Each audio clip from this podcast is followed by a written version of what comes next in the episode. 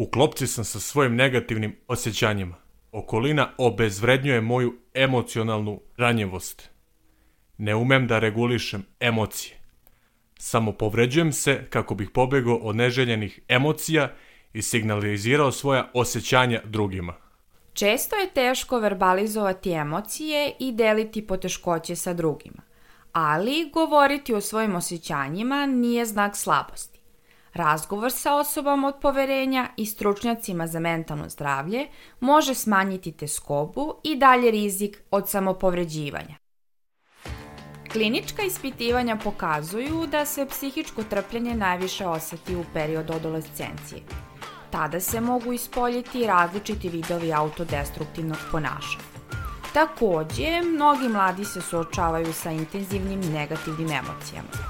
Na razne načine pokušavaju da izađu na kraj sa njima, a jedan od načina koji ukazuje da se adolescenti ne adaptiraju na period života u kom se nalaze, odnosno koji nije dobar, je i samopovređivanje. Smatra se da samopovređivanje počinje od 12. do 15. godine, a broj osoba koje se samopovređuju raste. Brojka koja važi za najčešće stope samopovređivanja i koja je opšte prihvaćena je oko 15 do 20 odsto, što kada razmislimo zapravo znači da se svaki peti adolescent samopovređuje u nekom trenutku života. Prema interpersonalnoj teoriji suicida, suicidalna ideja nastaje kada se javi osjećaj da smo drugima na teretu i da nigde ne pripadamo, a da je za suicidalni pokušaj potreban i kapacitet koji se stiče. Odnosno, što se više neka osoba samopovređuje, razvija veću sposobnost za suicid. Važno je rano identifikovanje problema i usmeravanje ka prevenciji i adekvatnom tretmanu osoba sa visokim rizikom od samopovređivanja. Slušate Podsvest, podcast o mentalnom zdravlju tinejdžera i adolescenata. Ja sam Anđela Andrijević, a moja gošća u ovom izdanju je psihološkinja Mina Velimirović. Sa njom razgovaram o osetljivoj temi nesuicidalnom samopovređivanju. Pričamo o specifičnostima ovog fenomena u adolescenciji, paraleli između samopovređivanja i samoubistva, funkcijama samopovređivanja, kao i faktorima rizika. Nezaobilazno je i da se dotaknemo zabluda i predrasuda oko samopovređivanja, načina ophođenja prema osobama koje se samopovređuju, pružanja podrške i najvažnije mera prevencije. Iako se smatra novom epidemijom zbog rasta broja osoba koje se samopovređuju, o ovom fenomenu se gotovo i ne govori. Većinom se radi u tajnosti zbog onoga što ga prati, a to je osjećaj stida i nemoći. Zbog straha od osude i etiketiranja, ove osobe se obično skrivaju, do momenta kada neko iz okruženja ne primeti osobu koja se povređuje. Zato je važno obratiti pažnju i shvatiti ozbiljnost ovog problema, jer je moguće da samopovređivanje postane nečiji način suočavanja sa poteškoćama, iako se, ako se prepozna na vreme i radi na njemu, može zameniti adaptivnim ponašanjima. Stav istraživača i kliničara u većini slučajeva je nejasan kada je u pitanju fenomen i definisanje samopovređivanja. Neki teoretičari smatraju da je samo povređivanje jedan od najčešćih oblika autodestrukcije. Zatim da je to impulsivni čin pražnjenja napetosti i smanjenja nepodnošljive patnje, razrešenje emocionalnog nesklada. Ili adolescentov beg od nepodnošljivih unutrašnjih barijera. Prema većinskoj definiciji, Nesuicidalno samopovređivanje je namerno nanošenje povreda sebi na površini tela bez jasne suicidalne namere. Psihološkinja Mina Velimirović objašnjava šta je samopovređivanje, a šta pokušaj suicida i zašto je ove pojmove ponekad vrlo teško razlikovati samo na osnovu prisustva, odnosno odsustva namere da se izvrši suicid. Za nesuicidalno samopovređivanje važi to da postoji odsustvo suicidalne namere, dok kada se osoba povređuje sa namerom da umre, to je onda pokušaj suicida. Ako do smrtnog ishoda i dođe, onda govorimo o izvršenom suicidu. Osoba može da se samo povređuje bez namere da umre, ali recimo koristi neki metod koji je visoko letalan u smislu da se povredi na način na koji gotovo sebi nije oduzela život, iako nije to u startu bilo sa tom namerom. Nekad namera može da postoji, ali recimo osoba ne zna kako bi to uradila ili koristi neki niskoletalni metod, pa i sa namerom da se ubije, ona ne uspe i onda sad tu se postavlja pitanje da li onda mi govorimo o pokušaju suicida zato što je ovaj, osoba imala nameru, ili ne govorimo zato što je to bilo nešto što objektivno nije moglo da dovede do smrti. I onda ta ideja nekako da je namera ono što je ključno, da imamo jednostavnu definiciju i presek stvari, to ne ide baš tako. Neki od najčešćih vidova samopovređivanja u literaturi su zasecanje kože nekim oštrim predmetom, jako grebanje ili udaranje glavom ili rukom o zid, gašanje cigareta o kožu i slično. Psihološkinja Mina kaže da postoji veza između samopovređivanja i pokušaja suicida, ali je to uglavnom onda kada se ono ponavlja. Istraživanja pokazuju da su pokušaj suicida zaista češći kod mladih koji su se prethodno samopovređivali. To jest da su oni koji se samopovređuju, posebno ponavljano, u većem riziku od suicida. Imamo i one mlade koji se recimo povrede samo jednom i nikad više to ne urade. Ne znači da će svako ko se samo povredi ili se samo povređuje, čak i ponavljano, da se ubije na kraju, ali ima toga da je sa povećanjem učestalosti samopovređivanja povećava se verovatnoća na kraju i pokušaja suicida. Pretpostavlja se da nema tačnog i jednog uzroka koji vodi samopovređivanju. Neki autori smatraju da usled nemogućnosti da se suočavaju sa negativnim emocijama, patnjom i pritiskom, mladi se samopovređuju kako bi sebi olakšali. Psihološkinja Mina ističe da uvek treba poći od toga da svako ponašanje ima neku funkciju i da je važno da se zapitamo zašto neki adolescent u određenom trenutku se samopovređuje, čemu mu to služi. Postoje funkcije koje se najčešće vezuju za ovaj fenomen. To su funkcija emocionalne regulacije, antidisocijacija, interpersonalna funkcija i funkcija samokažnjavanja. O ovim funkcijama sam pričala sa Minom, koja ih detaljnije objašnjava. Možda ste do sada mnogo puta čuli da se adolescenti samopovređuju da bi osetili nešto – Psihološkinja Mina objašnjava šta to zapravo znači. Ljudi koji se nalaze u stanju disocijacije obično izjavljuju da se osjećaju nestvarno, nerealno, da su utrnuli i da ne osjećaju ništa. Kao da samopovređivanje nekako šokira sistem i na taj način prekida tu disocijaciju. I u stvari kad se govori o funkciji antidisocijacije, kod adolescenata se može čuti ono da se samopovređuju da bi se osetili živo ponovo. Ili ono hoću da osjećam bilo šta, pa makar to bio i bol ili tako nešto. Tako da je to nešto što je u stvari antidisocijacija. Samokažnjavanje se kao jedna od funkcija samopovređivanja javlja poput nekog ispoljavanja besa prema sebi, kažnjavanja sebe zbog nečega što jesmo ili nismo uradili ili što nismo onakvi kakvi bismo hteli da budemo, smatra Mina kaže da se interpersonalna funkcija javlja kada je teško rečima iskazati ono što osjećamo. Komunikacijska funkcija, kao da iskomuniciram drugima koliko mi je loše. Jer nekako, ako ne znam da verbalizujem koliko mi je loše, onda ću se samo povrediti i onda će drugi to videti, a ja kad već ne umem da verbalizujem, onda ne moram. Ali zaista je pre ono da iskomuniciram koliko mi je teško. Jedna od najvažnijih funkcija samopovređivanja je funkcija emocionalne regulacije. Mladi često ne umeju da izregulišu svoje intenzivne negativne emocije i u tim momentima često koriste strategije koje zovemo i malaadaptivne strategije. Maladaptivno ponašanje je ponašanje koje nas sprečava da se prilagodimo situaciji na dobar način. Tako su maladaptivne strategije u stvari strategije koje im kratkoročno pruža olakšanje, ali koje na dugoročnom nivou nisu dobre. Samopovređivanje je jedna od njih. Adolescenti se mogu povređivati ponavljano, a tim činom mogu samo trenutno ublažiti intenzivne emocije. Ali to nikad ne rešava problem. Neki teoretičari kažu da je u pitanju povećan prag tolerancije na bol – dok drugi kažu da se smanjuje strah od smrti. Psihološkinja Mina Velimirović objašnjava do čega dolazi kada su adolescenti preplavljeni intenzivnim afektom i tenzijom.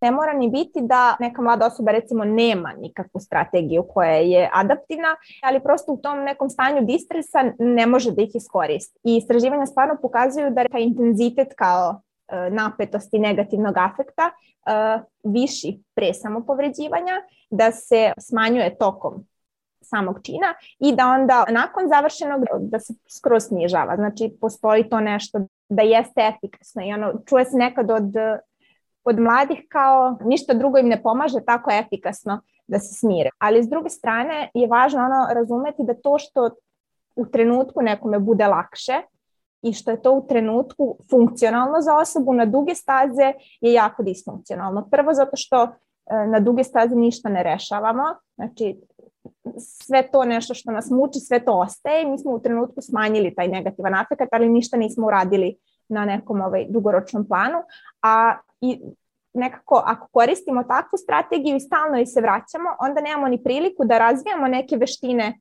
koje druge, koje bi mogle da nam pomogu.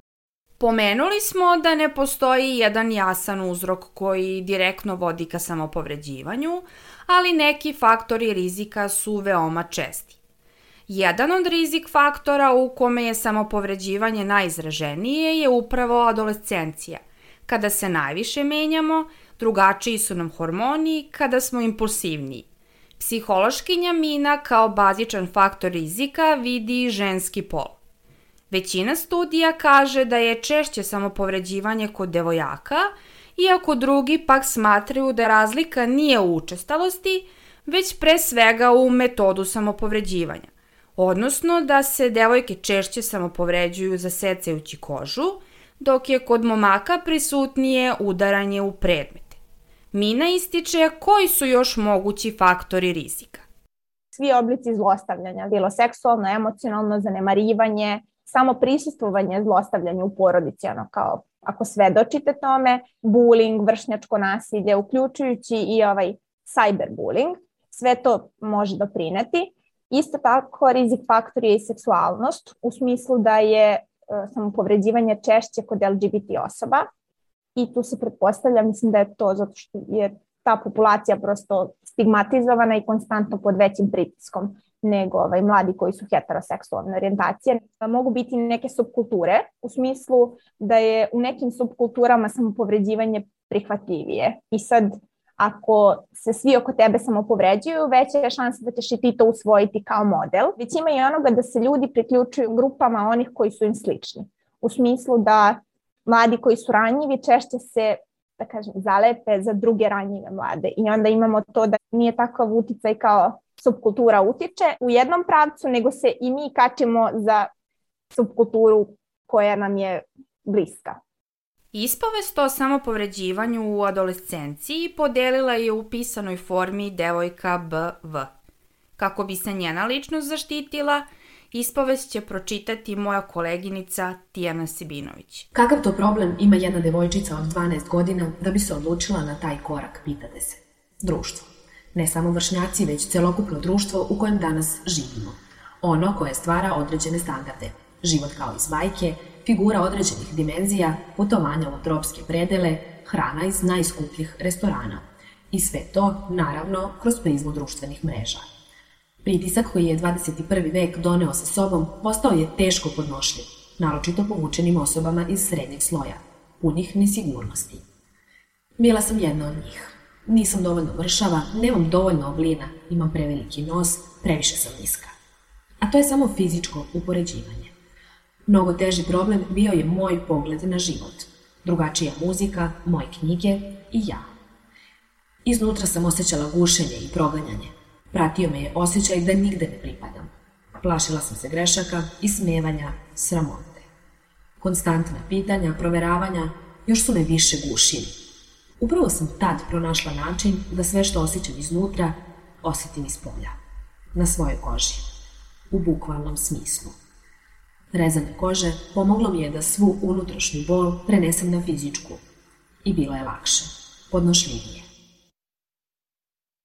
Iako okolina i vršnjaci mogu biti dobar protektivni faktor samopovređivanja, mogu da nanesu veliku štetu osobi koje se samopovređuju. Autorka Mina Simić smatra da sredina koja na njihove ispovesti i žalbe upućuje odgovore koji su nepredvidivi, neadekvatni i može uticati da se adolescent samopovredi.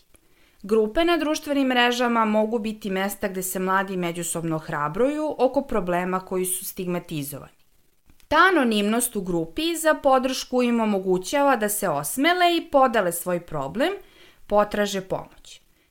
Psihološkinja Mina Velimirović kao problem tih grupa vidi taj rizik od međusobnog potkrepljivanja patologije u smislu samo deljenja iskustva, ali ne rešavanja problema jer neka iskustva mogu trigerovati one druge. Oko samopovređivanja se takođe javljaju i mitovi, te ona objašnjava zašto sledeće ne treba izgovarati. To radiš sa ciljem privlačenja pažnje, manipulativno i loše i nije ozbiljno povređivanje.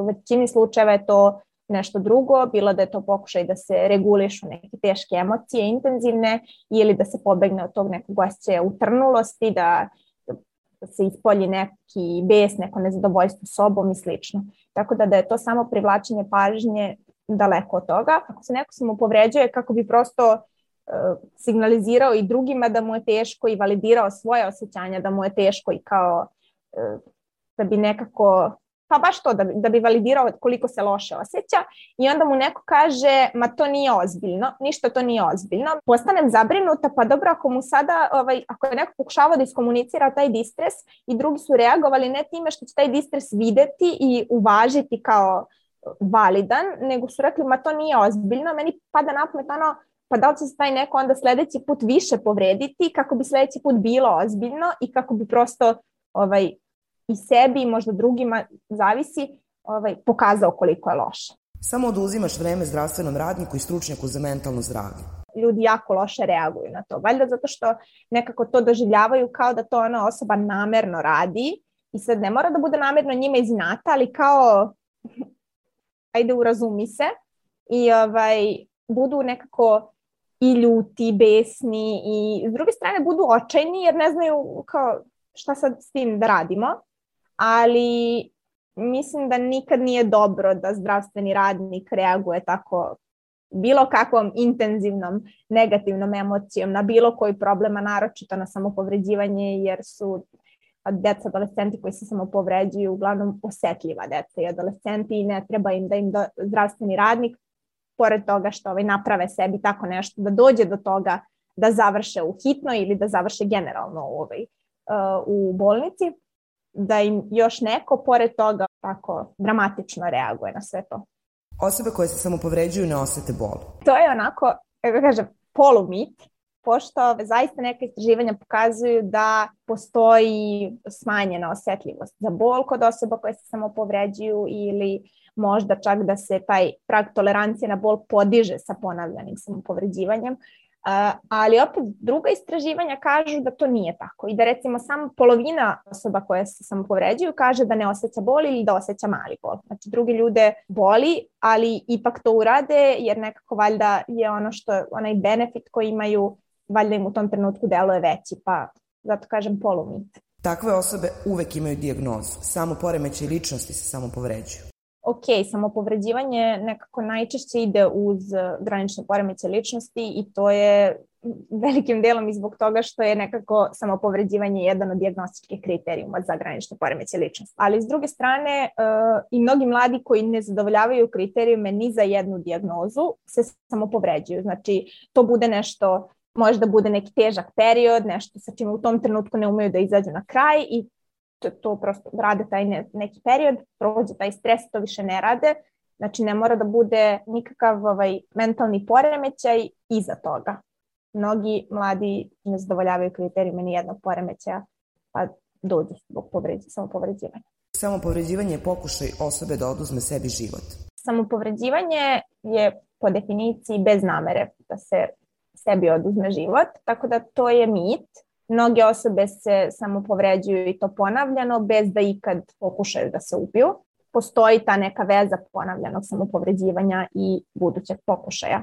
Prema istraživanjima postoje različiti psihoterapijski pravci koji mogu biti tretman samopovređivanja. Neke terapije koje su dobile potvrdu, kako kaže psihološkinja Mina Velimirović, jesu kognitivno-behavioralna terapija kao i terapije rešavanja problema. Jedna od najprimenjivijih je dijalektička behavioralna terapija koja se prema rečima psihološkinje zasniva na miksu prihvatanja i promene.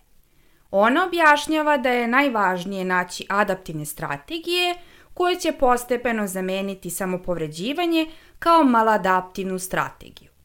Tu se radi na učenju osobe da toleriše distres, da toleriše kad joj je teško i kad neku situaciju ne može da promeni. S druge strane, isto podrazumeva osim te tolerancije distresa, podrazumeva i uh, regulaciju afekta, podrazumeva neke interpersonalne veštine i podrazumeva onaj mindfulness koje je kao u stvari osnova za sve druge veštine, jer nekako tek kad smo u trenutku, onda možemo da biramo kako ćemo da se nosimo sa tim trenutkom. Da je najbitnije posmatrati pojedinca i videti čemu ponašanje služi tom konkretnom pojedincu i kako možemo da razvijemo neke alternativne strategije da bi se to ponašanje zamijenilo nekim novim. Posebno kao kod mladih ljudi može se lepo raditi s time jer su ljudi ljudi su otporni i e, sposobni da nauče nove veštine i da nekako e, da zamene ta mala adaptivna ponašanja adaptivnim. Dešava se nekad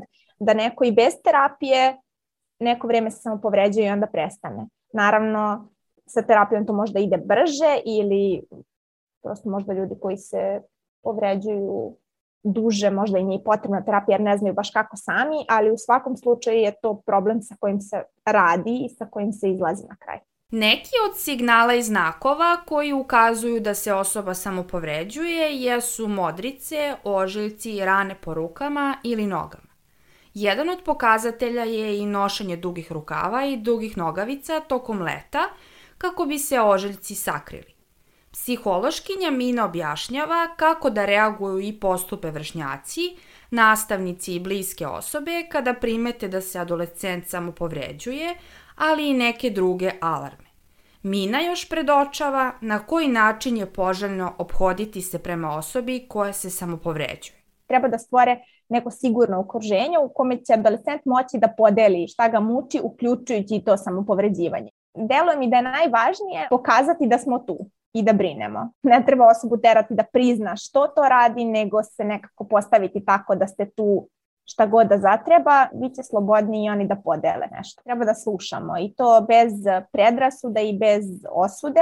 Svaka osoba ima svoju priču. Nekako je drugačije kad e, slušaš živog čoveka i kad slušaš njegovu priču i neka njegova lična iskustva. Uvek treba ohrabrivati, podsjećati da smo tu, ponuditi da zajedno možda potražimo pomoć, da nađemo nekog stručnjaka koji dobro radi s tim problemom i na kraju, ako postoji razlog da verujemo da je osoba možda suicidalna i slično, direktno pitati da li razmišljaš o tome e, da se ubiješ. Ukoliko osoba kaže da, onda treba već razmisliti da li onda mi da se obratimo nekome, kažemo nekome jer to je onda alarm koji ne treba ignorisati. Najvažnije je da se edukujemo i informišemo o ovom fenomenu samopovređivanja, jer razumevanjem istog bolje razumemo i pojedinca koji se suočava sa tim problemom. Može se zameniti drugim alternativnim ponašanjima koja su adaptivnija. Kada primetimo da se samopovređivanje kod bliske osobe dešava, to ne treba da nas šokira, već je neophodno da ga usmerimo na stručnjake. Devojka BV, čio je ispovesti o samopovređivanju u adolescenciji, glas pozajmila moja koleginica Tijana Sibinović, poručuje. Sada imam 27 godina i nikada nisam bila srećnija. Prestala sam sa samopovređivanjem i imam pozitivne misli. Rane su zacelile skoro u potpunosti, i one vidljive i one unutrašnje. Preselivši se u veliki grad, sklonila sam se od okoline, etiketiranja i nerazumevanja. Desila mi se promena. I sada mi je teško da o ovome govorim, ali sam svesna da dosta mladih ljudi mora ovo da čuje. Biti različit ne znači biti loš. Budite svesni da se reči uražu na koži i da najviše bole, a mogu prouzrokovati i fatalan ishod. Promenite svet tako što ćete početi od sebe i svog ponašanja. Osmeh i zagrljaj su najveći i najdelotvorniji lek. Ako niste našli smisao u životu, zapamtite da smisao ste vi sami. Slušali ste Podsvest. Moje ime je Anđela Andrijević. U ovom izdanju sa psihološkinjom Minom Velimirović razgovarala sam o fenomenu samopovređivanja, faktorima rizika ovog problema. Predočile smo razliku između nesuicidalnog samopovređivanja, pokušaja suicida i samog suicida. Istakli smo da je najvažnija funkcija samopovređivanja emocionalna regulacija i da je važno da razumemo čemu ovo ponašanje adolescentu služi. Ono što smo ovom epizodom još naučili je da kada nam adolescent kaže da mu je teško, da ga ne ignorišemo, etiketiramo ili umanjujemo težinu njegovog problema, upućujući mu negativne komentare poput pa ti si mlad, pred tobom je život da bi ti sada bilo teško. Već da mu priđemo sa autentičnom brigom pružimo mu podršku i usmerimo ga na osobu koja će mu pružiti adekvatnu stručnu pomoć u saniranju ovog problema. Podsvest možete slušati na Sounder FM-u, Podcast RS-u, Google Podcastu i Spotify. Do sledećeg osluškivanja podsvesti obratite pažnju na bliske osobe oko sebe, validirajte njihove poteškoće i imajte na umu reči autora Franka na netu. Ne zaboravimo da je oslobođenje i najobuhvatnije ostvarenje sebe moguće postići kada se patnja spozna kao jedan neizbežni deo egzistencije, zbog kojeg se osjećate skoba ne kao svrha, već kao princip, poziv na nove mogućnosti i pravce slobode. Produkcija Fabrika kreativnosti